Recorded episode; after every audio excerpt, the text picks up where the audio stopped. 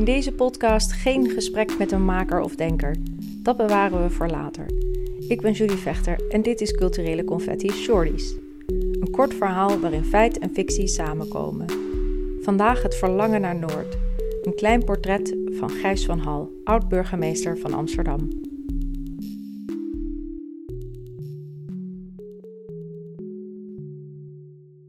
Driftig.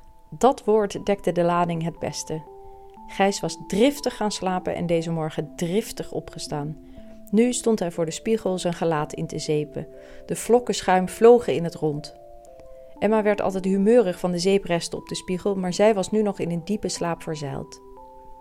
Er kwam een zuinig straaltje ijskoud water uit het fonteintje toen hij de kwast probeerde schoon te spoelen. Dassen haar. Hoeveel kwasten heb je nodig voor één das? Heel even trokken de mondhoeken van Gijs op. Dat was de favorite running gag van zijn broer. Op dagen zoals deze miste hij hem hardvochtig. Met strak getrokken wangen en met beleid schoor Gijs zich op deze vroege ochtend. Iedere dag opnieuw een gegarandeerde frisse start. Het was rustig in huis. Zijn dochters sliepen nog. Die sliepen het liefst een gat in de dag, net als hun moeder trouwens. Even keek Gijs over zijn schouder naar Emma. Ze lag tevreden opgekruld onder de strak gespannen lakens. In het zonlicht dat door de oranje-bruine gordijnen scheen, dwarrelden de stofjes in de slaapkamer. Gijs zette zich schrap. Hij zou vandaag ook eens stof doen opwaaien. Het had nu allemaal lang genoeg geduurd. Gelukkig was de oorlog voorbij, want met dit kabinet betwijfelde hij of je ooit iets zou kunnen winnen. Nou ja, vooruit. Vanuit de partij was er fix gepraat en gesoebat in Den Haag. Vergezichten, vooruitgang, verbinding. Het was voor Gijs allemaal gesneden koek. Voor hem was het dan ook geen vraagstuk meer, het was domweg bittere noodzaak.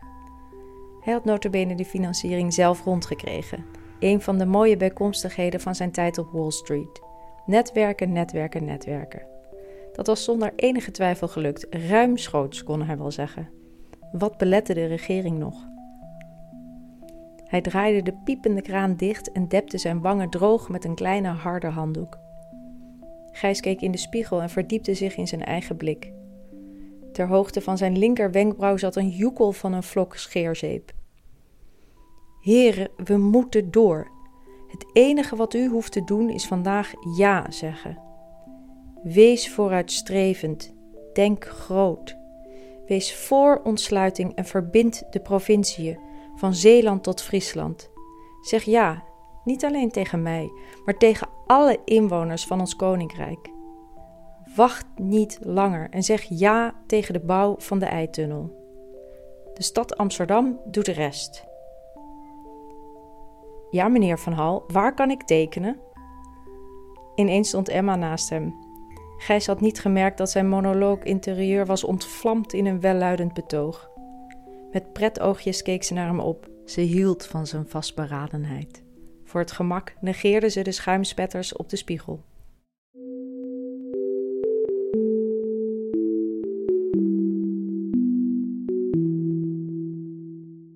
Dit was Culturele Confetti Shorties met soundscape van Sophie Jurjens.